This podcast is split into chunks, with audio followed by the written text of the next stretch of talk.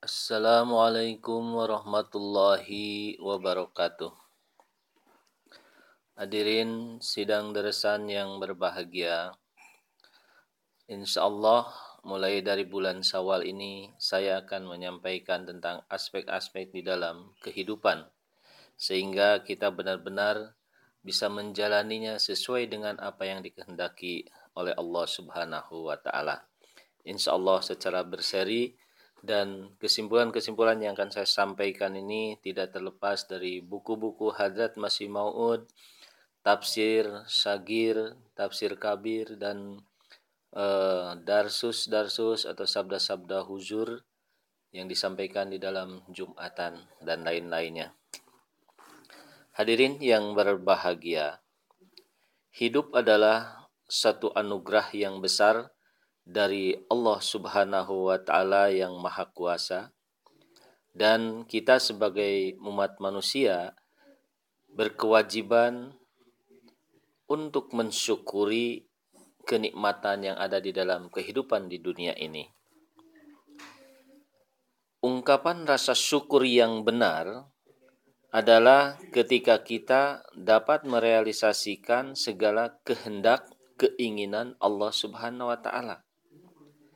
Mendisiplinkan diri pada kerohanian dan bekerja semaksimal mungkin untuk menjadi reflektor sifat-sifatnya sehingga kita dapat memanifestasikan sifat-sifat Allah Subhanahu wa taala di dalam diri sendiri.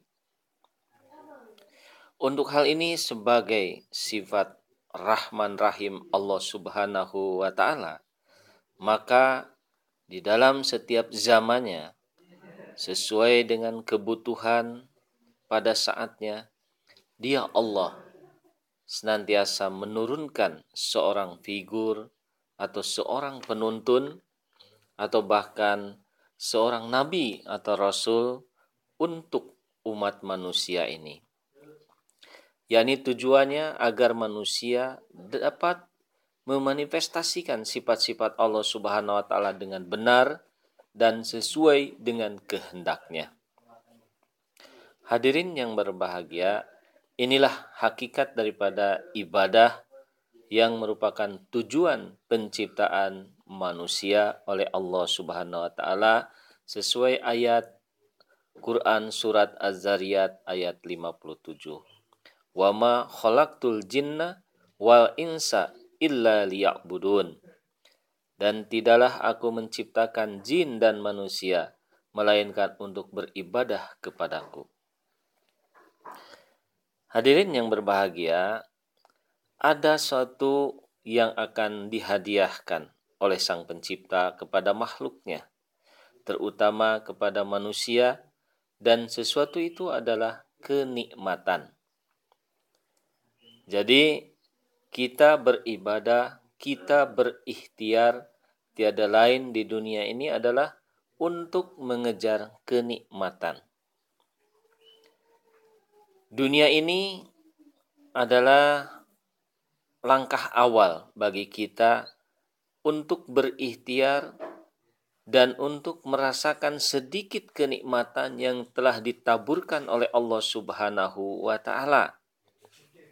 Dari sekian nikmat yang diciptakan oleh Allah Subhanahu wa taala, ada satu nikmat, setetes nikmat yang ditaburkan di muka bumi ini.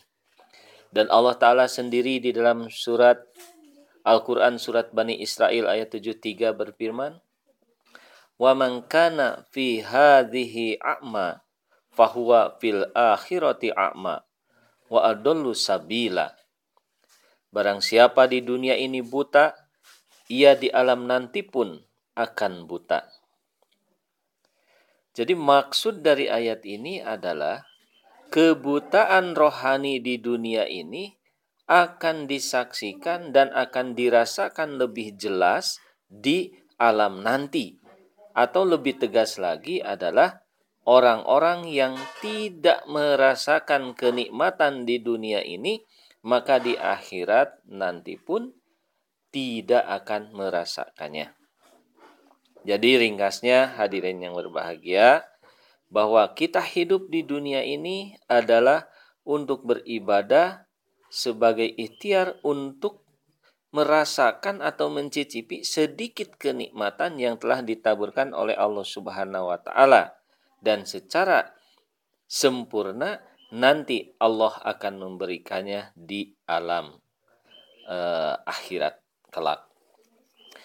Jadi itulah kenapa Allah Subhanahu wa taala menurunkan para rasulnya, para apa namanya mujadidnya di setiap zaman ya, untuk umat manusia itu sekali lagi merupakan bentuk kasih sayang Allah Subhanahu wa taala untuk membawa manusia supaya bisa mendapatkan kenikmatan yang telah ditaburkan di dunia ini sehingga kenikmatan yang kita rasakan di dunia ini akan membawa kita kepada kenikmatan yang kekal abadi nanti.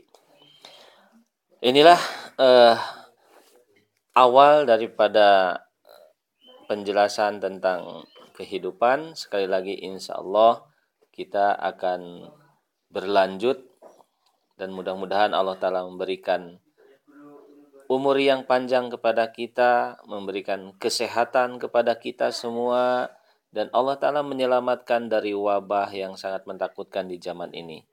Mudah-mudahan semua yang diciptakan oleh Allah Ta'ala secara baik, secara yang dirasakan oleh kita nikmat, ataupun yang dirasakan oleh kita menakutkan atau buruk, tapi mudah-mudahan semua itu menjadi motivasi kita untuk terus meningkatkan ibadah kepada Allah Subhanahu wa taala sehingga kita tidak menjadi orang buta di dunia dan di akhirat kelak. Demikian mudah-mudahan Allah taala memberkati kita semua. Mubarak barakallahu lakum untuk semuanya. Wassalamualaikum warahmatullahi wabarakatuh.